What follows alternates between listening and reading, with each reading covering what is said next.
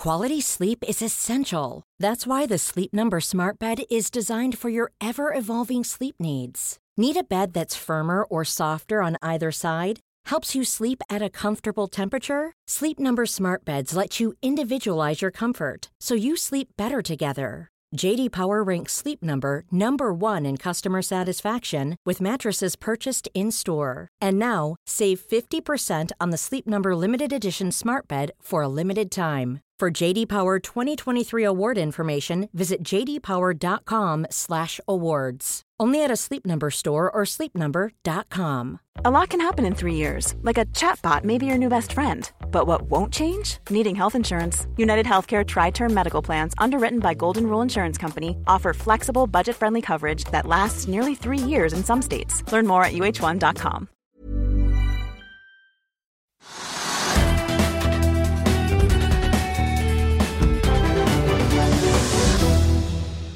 Hei og velkommen til Økonominyhetene.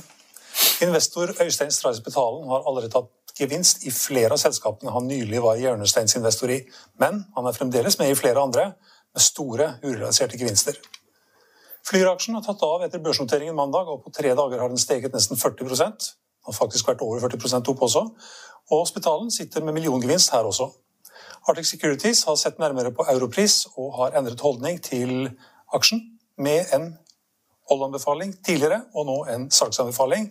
Kursmålet er opprettholdt. Boligprisen stiger videre i februar, og ble, det ble oppgang på, for niende måned på rad. Sjefen i Eiendom Norge er skremt og roper nå på Norges Bank. I forkant av videomøtet i OP pluss i morgen er det enighet om at oppgangen i oljeprisene de siste månedene gir rom for å øke produksjonen. Oljeprisen er opp 2 til 63 dollar og 80 cent, og hovedindeksen på Oslo Børs er ned 0,3% til 1029. Og Vi begynner på Oslo Børs, Trygve. Skal vi kanskje begynne med oljeprisen? Det kan vi godt. Altså, det, det sies at den er litt opp nå. At man som du sier, kan øke produksjonen osv. Men det er jo litt ned, da. For den var jo, var jo helt oppe i 67 dollar per fat. Og så har den vært bare siste døgnet nede i 62, og så er den litt opp der fra 60 til 63 dollar på fat. Det er vanskelig å si hva som skjer, men eh, det, det fundamentale er at OPEC-landet lar det komme da meldinger ut om at de er villige til å øke produksjonen, ta bort de begrensningene de har hatt. Og Det skal jo da bli tilbudssiden større, og da skulle prisen egentlig litt ned. Så de som begrunner det som skjer nå, og de meldingene som kommer med at prisen vil gå litt opp, det skjønner jeg ikke helt, faktisk. Alle meldingene kommer nå på at alle slipper litt opp. Og da skulle egentlig prisen gå litt ned, eller holde seg akkurat, og de tilpasser det. Men det er ikke noe press oppover prisen i dag, selv om den er på 63 dollar for fat. Det er det ikke. Så det var en analytiker i USA som var redd for at oljeprisen kunne gå i 100 dollar, fordi at nå kommer etterspørselen. Ja, men Det har vi hørt veldig ofte. I alle år har vi hørt at det er noen som sier det. Og etterspørselen kommer helt sikkert, men den kommer jo ikke nå. Dette tar jo kjempelang tid. Jeg sier det hele tiden, altså den Nedstengningen i Europa er mye tøffere enn vi tror. I Frankrike, som jeg følger litt ekstra med på, der er, jo, der er det jo forbudt å gå ut etter klokka seks om ettermiddagen. Du må være seks til seks, du må holde deg inne. Og hvis du går ut om formiddagen, så kan du ikke være ute mer enn én time. Så altså, Det er nedstengt i Europa. og Det tar lang tid før du kommer tilbake. Det tar lang tid før folk begynner å kjøre mye. Det tar veldig lang tid før de begynner å fly igjen. Og så er det industrien som skal da bruke olje og eh, energi for å holde liksom liv i hjulene og sånn. Altså jeg, det kommer kanskje en gang, men det er langt fremme. Hvis jeg ikke husker helt rett, så var jo de tallene vi opererte med alltid da, var at oljeetterspørselen i verden var liksom 100 millioner fat per dag. Uh, og så falt det 5, 5 eller 10 millioner fat. Samtidig så har de da skrudd igjen på tilbudssiden, slik at liksom det skulle tilpasse. Det har vært et kjempefall. det er ikke noe rart altså hvis ni av ti fly i verden står på bakken, det er de som bruker mest, altså fuel-olje, så Nei, altså jeg, det, det, kommer sikkert, men det kommer ikke nå. så jeg, jeg, Nå har en, nå har jeg aldri noen gang spekulert i oljepris. Liksom. Det er litt for komplisert og det er litt for spesialisert. Men å satse på at oljeprisen skal oppnå, det ville jeg ikke gjort. Du sier at det tar, lang tid. Det som ikke tar så lang tid, det er når Øystein Betalen ser at han har en gevinst. Ja, altså Han er en pussig skrue. da, fordi at, og Jeg klarer nesten ikke å følge med, og det er ikke min jobb å følge med på det men vi skriver mye om det i Finansavisen. Eh, men han er inne i mange selskaper. Akkurat de siste så har han vært inne i tre-fire selskaper og ut igjen. Det har vært oppdrettsselskaper. Eh, Kingfish Company var et selskap som skulle lage oppdrettslaks på land. Og så var Det. Det var vel ikke oppdrettslaks, det var sånn yellowtail? Var det det? det ser ut som en laks, kanskje, men Ja, men så var det et annet selskap, som, to, to andre selskaper altså hadde, hadde interesse i tre-fire oppdrettsselskaper. Nå jeg han er ute alle sammen. Det sto det på Finansavisen nå i hvert fall. Ja, men han, så det, det, går veldig fort. Men, og, han blir kritisert fordi han er for raskt inn og raskt ut igjen. Og jeg har kalt det liksom svingdøra på grang. Går raskt rundt. Men, men, men, han er i så mange selskaper at det er faktisk vanskelig å følge med. Og hvis han er i så mange selskaper, så må det gå ut hvis han ikke tror på det lenger. Og, og når, disse Oppdrettsselskapene er én ting, men også så jeg også en notis som jeg fulgte med på at han hadde noe interesse i Rana Gruber. Bitte lite sånt selskap som da skulle kunne gjøre noe. Og så er det inne med en veldig viktig post i Horisont Energi, som da på en måte man burde snakke mer om. Det er den, det selskapet som går mest av alle. Det Dagens vinner. Ja, det er opp, altså rundt 15% og de skal, de skal holde deg fast ennå, men de, de, lager jo ingenting. De skal kanskje en eller annen gang sammen med Equinor kanskje, kanskje produsere dameniakk, som da er karbonnøytralt. Det er mm. poenget. Og han er liksom, han er sånn sivilingeniør og kan dette her. og har regnet på Det Det kan sikkert bli da penger ut av det å produsere ammoniakk i Finnmark en eller annen gang. Men da skal det investeres 5 eller 67 milliarder kroner først. så det er det er, lang, altså det er så langsiktig prosjekt. Jeg kan ikke tenke meg at han blir sittende uh, i det selskapet, men denne kursen går hele tiden. Så det er et kjempeprospekt.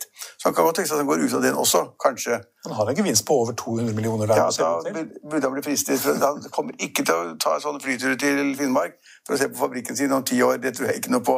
Så, men han er inne i, i de riktige selskapene, så er det slik at han, det er ikke at han, tror jeg, da. Det er ikke han som løper etter selskapene og snuser opp, men de kommer til han. Han er en sånn hjørnesteinsinvestor som da, hvis han blir med, sammen med Arne Blystad, sammen med et par andre, så vil det på en måte løfte andre investorer inn i selskapet, for de tror på at disse bjellesauene eller hjørnesteinsinvestorene er viktige, og det er de også. Så de, Han har sikkert ti prospekter hver dag som han skal se på, og ni av ti så treffer han sikkert. Og så er det noen han taper på, og så er det da noen har bare tar en gevinst og går rett ut med en gang. Og nå er det altså så mange selskaper vi har snakket om nå. altså Horisont Energi, eh, Kingfish, eh, Nordic Equa et eller annet, eh, Rana Gruber. Og ikke minst Flyr. flyr. Akkurat sånn er altså, bare den, ramse opp dette her, Han er altså inne i Flyr. Og Flyr har også gått som en kanon. De, de, han kom inn der sammen med vennene sine, så kom han inn på fem kroner aksjen.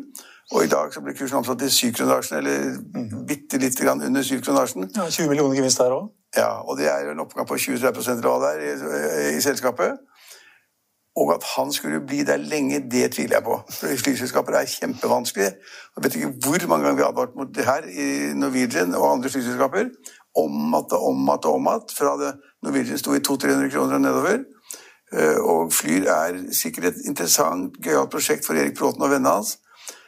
Men at Spetalen skal bli der veldig lenge hvis han plutselig får en gevinst, altså, det tviler jeg på. for det også. Men de skal jo komme, de skal raskt i gang. De skal i gang i år. Så de kan se hvor mye penger tjener de på hver flight. Hvor mange passasjerer har de, hva er prisen, hva er, liksom, hva er prospects, og hvor mange ruter åpner Det kan vi se hver dag. Så det kan tenkes at han blir med litt for å se litt ekstra hvordan det går, men at han blir langsiktig investor i, i fly, det, det, er for vanskelig. Rett og slett. Norwegian SAS, eh, Norwegian SAS flyr og, og, og Wizz Mm -hmm. Det er fire selskaper. Det kan godt, godt tenkes at det kommer flere også. Og så har vi videre. Det tåler ikke det norske markedet. Så, men, men, det er et godt forsøk, og han kan tjene penger der også. Da har, vi tatt med alle selskapene nå, da. Nei, det. Det er helt sikkert noen ikke vet om òg. Ja, ja. Det er mange selskaper. Han er, han, han er, flink til å se, og han er flink til å følge med, og han går, går fort ut. Han har jo også da, den kritikken som han fremførte for et år siden i en samtale med oss, Eh, at Quantafuel eh, var liksom et håpløst prosjekt fordi at eh, de som trodde på det, hadde ikke hjerne. Og det var fordi at han trodde ikke på at de kunne ha gamle plastposer og lage olje, fordi at det var mye bedre å kjøpe olje i Saudi-Arabia. Man bare tok ned på bakken sånn, for kostet ikke noe.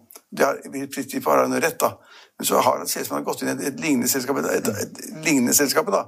Er det Evifjul, eller er det et annet selskap? Nei, nå husker jeg ikke akkurat hva det heter, men det, det er riktig. Det er en konkurrent til Quantafuel. Ja, og Quantafuel har Man er der fremdeles eller det vet jeg ikke. Nei, men Quantafuel har falt ganske mye. Den var oppe i 70 kroner en gang. og Det er en tidligere journalist i Kapital som leder selskapet. Han er nå blitt kjent for at han klarte faktisk, mens aksjen gikk for, gikk for det meste, så klarte han å selge på, på 63 kroner. Uh, eller det 63 millioner han fikk. Jeg vet ikke, han, han, han fikk inn 60 millioner, jeg tror jeg. Han fikk ja, 60 millioner. Nå har han i dag kjøpt seg 1042 millioner Oppsad, sånn. på, på, på Bygdøy Snarøy eller sånn. Så de pengene han fikk ut i det salget Mange sa at det var et innsidesalg.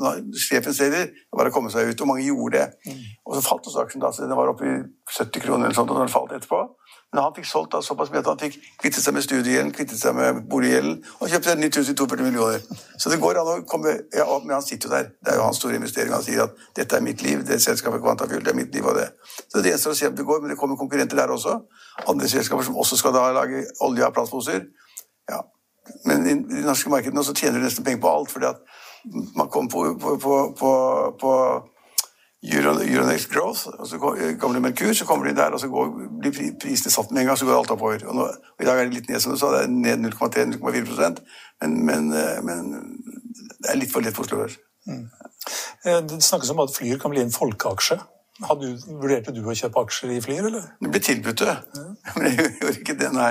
nei jeg, altså jeg, det er klart at det var det man satset på i Norwegian i sin tid. at liksom det, Man hadde egen bank, så hadde man egen kredittkort.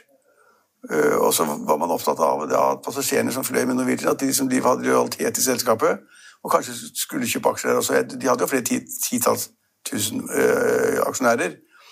Men altså, de bør satse på en folkeaksje. Det blir bare surr, altså. Så det, SAS kunne være en folkeaksje. Nei, det er ikke det. Norwegian var det litt, men bør ikke bli det.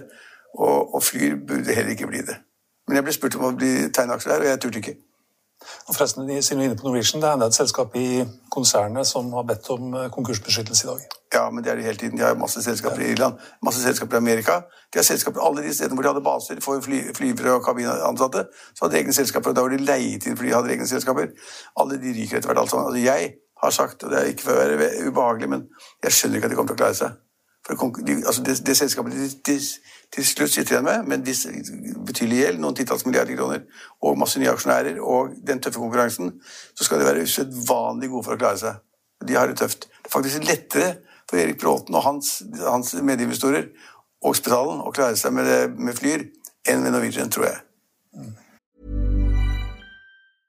Quality sleep is essential. That's why the Sleep Number Smart Bed is designed for your ever-evolving sleep needs. Need a bed that's firmer or softer on either side? Helps you sleep at a comfortable temperature? Sleep Number Smart Beds let you individualize your comfort so you sleep better together. JD Power ranks Sleep Number number 1 in customer satisfaction with mattresses purchased in-store. And now, save 50% on the Sleep Number limited edition Smart Bed for a limited time. For JD Power 2023 award information, visit jdpower.com/awards. Only at a Sleep Number store or sleepnumber.com. I'll see you in court. Vi sier det ofte litt på spøk, men for deg som driver business, er det aldri moro å innse at du ikke har laget en 100% gyldig kontrakt.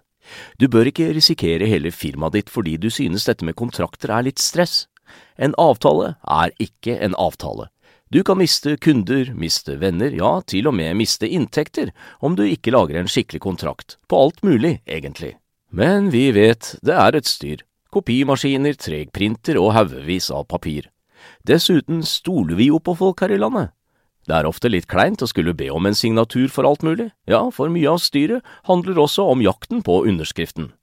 Det finnes en enkel måte å løse dette på, Dukkobit, en trygg, effektiv og get this, gratis måte å sikre seg en god natts søvn pluss en juridisk bindende avtale. Dukkobit-appen har de strengeste sikkerhetskrav i bunn, samt en EU-godkjent og sertifisert teknologi. Framover vil det bli behagelig å spørre du, skal vi skrive under på det, eller? Kom i gang på dukkobit.no.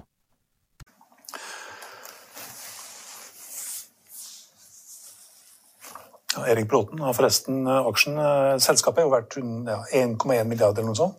Nå. Ja, Det ble priset først til 600 millioner. Er sånn, ja, nå er det 1,1 milliard. Ja, han har, har 15 eller noe sånt? Eller? 160 millioner tror jeg han sitter med i i selskapet? Ja. ja der, der, må det være en liten gevinst, da, men ikke Ja, han har vel ikke den store kostprisen på det. Han har vel ikke kjøpt til fem kroner. Han er jo ja. han som etablerte det. Ja. Eh, boligprisene for februar de steg jo som venta. Og ganske, også, ganske kraftig også. Vi har altså en boligprisvekst på 2% nominelt, 1,3 sesongjustert for Norge. Og det er da, som du nevner, fryktelig sterkt. Og så er prisene i Oslo spesielt sterke, med 3,5 eh, nominelt, 2,4% sesongjustert. Og det er jo bortimot ekstremt. Ja, ekstremt. Hvor ekstremt var det? Nei, Jeg syns ikke det er ekstremt i det hele tatt. Det var ventet. Altså, jeg, jeg, tok en litt høyere range da jeg sa det til 1-2 og så ble det, da 1 til, ble det 2% på landsbasis. Jeg tror du sa 2-3 på forrige fredag. Ja, også, ja også, men så ble det, sant, det ble 2 på landsbasis, og så ble det 3,5 i Oslo. Mm. Det er omtrent riktig, og det lå i kortene. da. For det første så er februar alltid en god tid for uh, altså Boligprisen pleier å stige av mange grunner. Og så det, kom jo, kom jo Obos-prisene forleden, og da var de steget med 5,9% mm. Og da steget med 15% de siste tolv månedene. Da måtte altså, da boligmarkedet, også Obos-prisene er bakt inn, så ville de også få en kraftig vekst. og da er det mange som Den, den vi intervjuet, som sa, sa altså at dette er fælt og ekstremt og man må gjøre noe med det. Jeg vet ikke hva jeg skal gjøre, men, men, men, men det ligger i kortene at vi har for liten tilbudsside, i Oslo særlig, og, men ikke så veldig mye andre byer. Uh, og så har man sånn regulering som gjør at det er forbudt å bygge leiligheter under 35 kvadratmeter i, i, i, Oslo sentrum. Mange rare ting. Og så får de ikke opp den boligproduksjonen. får de ikke opp. En av det siste at de har masse tomter som er regulert, altså kommunene, kommunene er positive. Men, men, de store boligprodusentene de liksom henger, slipper beina litt etter seg. Og hvis de slipper beina enda mer etter seg, så blir det enda mindre tilbud. Da øker prisene fortsatt. Og så skal man si hva, hva med resten av året? Ja, så Hvis boligprisen nå på tolv måneders basis steget 15 da er det litt under det. I Oslo? Ja, mm. Så blir det ikke veldig store sprang resten av året. Da vil jeg bli litt overrasket, faktisk. For nå er det slik at alle har jo da nå kjøpt først for å sikre seg boligen og skal selge etterpå. De, egentlig burde man selge først og kjøpe etterpå, det motsatte. Så det har skapt et ekstra trykk i markedet at folk da liksom kjøper først og selger etterpå. I stedet for det motsatte. Så, men jeg, altså, vi, vi, vi, behøver ikke gå lenger tilbake enn 2016. Da steg jo prisen i Oslo med bare 23 mm. 23 på et år. Eh, så boligprisene øker, og det gjør at veldig mange blir rikere og har det veldig bra, og er sikkert glad for at de lånte penger og gikk inn i markedet for ett år siden, og fem år siden og ti år siden. Veldig glad for det. Og så kommer da all grininga i pressen og i media og alt sånt, og blant politikerne og sjefen for, for eiendomsmeglerne. De klager da over at, at, det blir vanskelig for unge og studenter å komme inn, og det er helt riktig. Men altså, da får de bosette seg i 90-tallet, da. Eller på Lier, eller i Drøbak, eller De får ta en reisetid på en halv time, sitte på bussen og reise, og så får de komme seg inn. Det er jo ikke noe, det er ikke noe, liksom, noe det, Man har ikke noe rett til å bo på Grünerløkka i Oslo sentrum og kjøpe seg en flott leilighet. Og, det er ikke sånn det er. Nå er prisene grovt sett så koster det 100 000 per kvadratmeter for et sånn middels bolig i Oslo, Oslo sentrum, Frogner eller Grünerløkka eller hvor det måtte være. Og det koster det. Du får ikke det ned kunstig. Henning Lauritzen, som er da sjefen gjennom Norge, han, han, roper på, ja, han som var intervjuet her, ja. Han roper nå på Norges Bank og mener at eh, Øystein Olsen må sette opp renta på rentemøtet i juni. Ja, Det er det dummeste jeg har hørt på lenge, faktisk. Lauritzen, sa det. Han kan godt mene at vi skal være forsiktige, det er fint om boligprisen stiger med 2-3-4-5 i året hvert år. Nå gjør det jo ikke det, for det er ubalanse i markedet. Og Norges Bank har sagt mange ganger at de skal, kommer til å øke renten da første kvartal 22 ikke i år i det hele tatt. Og så er det da noen aktive samfunnsøkonomer som da vil utkonkurrere det litt, eller konkurrere med Norges Bank, og så sier de at vi tror at økonomien er såpass god og sterk, også utover boligprisene, at, da, at de kommer til å sette opp renten kanskje i fjerde kvartal i år og første kvartal neste år, men 0,25 prosentpoeng hver gang. Ikke mye, bitte lite grann. I dag har vi nullrente i Norges Bank. Og når han sier det, så Det behøver han ikke si. For det hjelper vel ikke heller? Nei, det hjelper noen ting. Og hvorfor jeg skulle si det, hvorfor han skulle gjøre det i juni, ikke da i desember eller januar. altså der. Og Uansett så har Norges Bank sagt at hvis det blir endring, så blir det uhyre små endringer. Så bør ikke skremme da markedet med det, at liksom, nå må Norges Bank sette opp renten. Når begynte de å si det, liksom? Hun kan passe på boligmarkedet isteden. Komme med fornuftige forslag. Få større boligproduksjon eller nye lovregler for det, eller kanskje de skal endre de der, de der uh, husforskriftene, hva heter det igjen? Boligforskriftene. Mm. Kanskje de burde endre de litt, gjøre det litt vanskeligere. Kanskje man de fikk låne, låne mer enn fire ganger inntekten istedenfor fem ganger inntekten, eller whatever. Men det er jo ikke det som er problemet. Det er jo som du er inne på, det er, ikke, det er jo mangelen på boliger som er problemet. Ja, det er mangel på tilbudssiden. Det er for få boliger. Alle skal bo i Oslo, da koster det mer. Og, og hvis man kunstig holder prisene nede, så blir det enda flere bo i Oslo. Det, altså, det er jo helt, da behøver ikke gå på handelskontroll, skjønner du. Det er jo helt elementært. Så, så, Problemet er det at de vil ikke innrømme at det produseres for få boliger i Oslo. Nå kan jeg ikke tallene, men la oss si at det kommer mellom 5 og 10 000 nye innbyggere til, til, Oslo. Flytter inn fra landet for øvrig. Kommer fra utlandet, ikke akkurat nå da, pga. korona. Og så produserer man halvparten av antallet boliger som man egentlig skulle bygget eller trengt. Det går ikke, det. Det går ikke. Raymond Johansen har for mye å gjøre med covid? ja, Raymond Johansen han arbeider intenst med det. Det går helt døgnet rundt for han. Og, og, og, og, han har fått det til slik han ville da, i Oslo, hvor de skal da få en sånn skjevdeling av vaksinen fra landet til Oslo. Det fikk han til, og det var debatten i går også. Og, Høyre kom til en, en skvis her, fordi at det, Molde-ordføreren liksom kritiserte Oslo. Det skal man ikke gjøre. Men Tidligere så har jeg skrevet om Raymond Johansen et par ganger nå, fordi han har også da veldig aktiv for at man skal da oppheve liberalisering av drosjenæringen. Det er bare så himmelsk tåpelig Altså, hvorfor i all verden skal de det? Altså, det hvor, når man åpnet opp det kommer, Jeg har vært ute og kjørt litt drosje i det siste og vært uh, rundt omkring. Skjønte det på lederen din at du har gjort det? ja, og da kostet det liksom 40 men Så er det kommet nye tilbydere. De gamle taxiene, de gamle taxisentralene altså, Folk har ikke råd til å ta taxi lenger. Det koster jo 300-400 kroner for å komme et bitte lite stykke. Og det begynner på 80-90 kroner, eller hva det er. Det er helt sjukt. Og det har kommet mange nye Og Uber er tilbake igjen, de som ble kastet ut av markedet fordi de gjorde dumme feil. Eh, og ble beskyldt for noe de ikke gjorde. Eh, de er på tilbakemarkedet. En søt, hyggelig kar med en flott bil. Kjørte meg raskt hjem til en pris som var nesten halvparten av det jeg hadde kjørt den ene veien. Altså, og så er det noe som jeg ikke har fått frem ennå, men som da jeg har hørt bare, Det er kommet mange nye som etablerer seg i markedet. Og har apper. Så hvis du kan appen, kan du gå inn og bestille en sånn deltidssjåfør eller student eller hva det måtte være som har en flott bil. Kjører da to timer eller tre timer eller fire timer hva markedet har behov for. Og du kan bestille sånn, og du kan betale sånn, og alt foregår helt automatisk. Det er den nye verden. Raymond Johansen skal tilbake til la liksom altså, da, regulering av løyver. Liksom, skal, Politikerne skal bestemme hvor mange drosjer som skal stå der. Er, altså, han har for mye å gjøre. Han mener absolutt har for mye å gjøre. Men han sikter kanskje på en sånn riksnasjonal eh, karriere i september i Arbeiderpartiet. Ja, det kan skje, det. Kanskje han skal, ja, det kan skje, det. Altså, hvis, hvis, hvis de får, hvilken, hvilken ministerpost får han, tror du, i så fall? Jeg tror ikke han får ministerpost, jeg tror han sikter på statsministerposten. Hvis, hvis, hvis Arbeiderpartiet Nei, statsministerposten er opptatt. Hvis de rød-grønne ikke får flertall, så skifter de jo Gahr Støre. Mm. Det er langt frem, skal ikke ta den debatten nå. Men det gjør de. Altså, men nå Det ligger jo an til at de rød-grønne vinner. Men altså, hvis eh, Gahr Støre og de rød-grønne ikke skulle vinne, så må Gahr Støre av.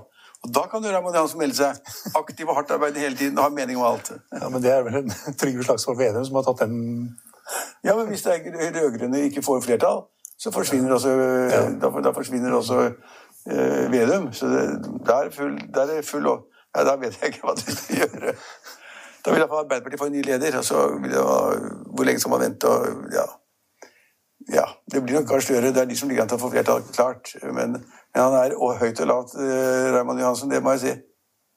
Og hvis jeg skal be han om gjøre om, Han hører ikke hva jeg sier, men altså, det, det vil være å reversere Når man brukte så mange år på å utrede få på plass en, de, altså en, liberalisering av drosjenæringen. Du kunne faktisk bare melde deg på. og du, så fikk du en løyve som ikke avhengig av etterspørsel og tilbud, liksom hvor mange de trengte, men at du liksom oppførte ordentlig, at du hadde en helseattest eller at du hadde personopplysninger. eller altså en registrering. da. Og De kjører vilt rundt omkring, og prisene er halvert allerede.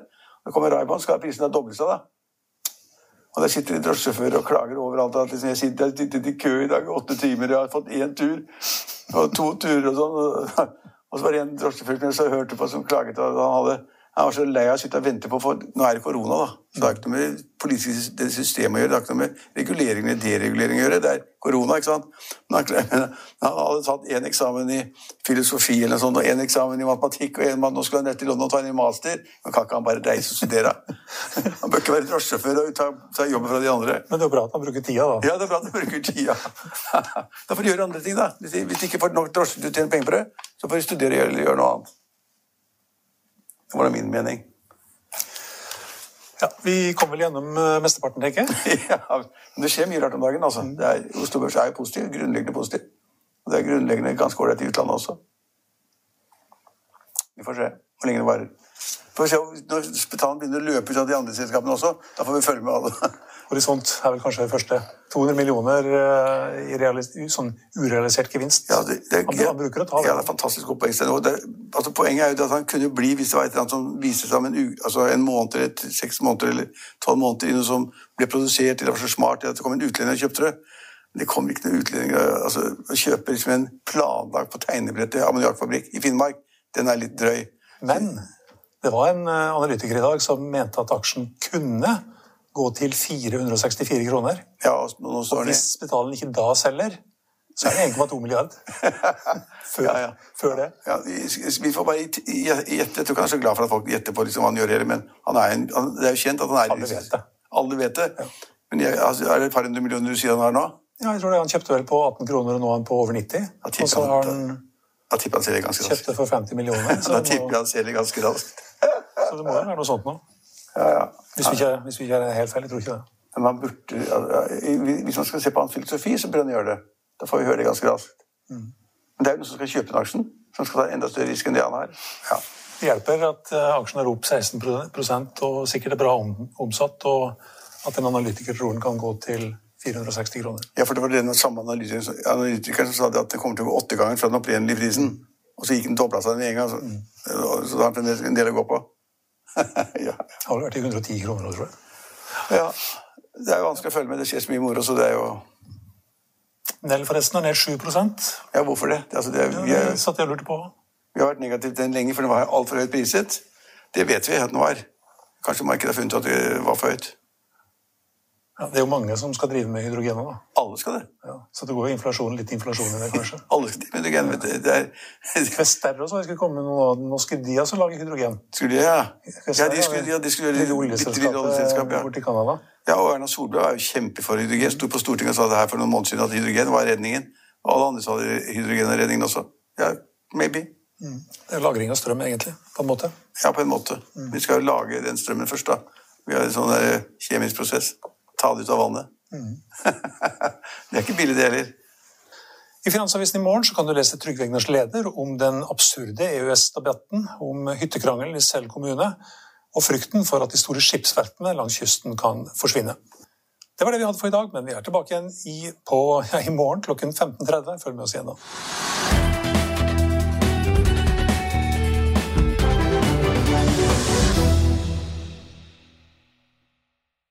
Økonominyhetene er en podkast fra Finansavisen. Programledere er Marius Lorentzen, Stein Ove Haugen og Benedikte Storm Bamvik. Produsenter er Lars Brenden Skram og Bashar Johar.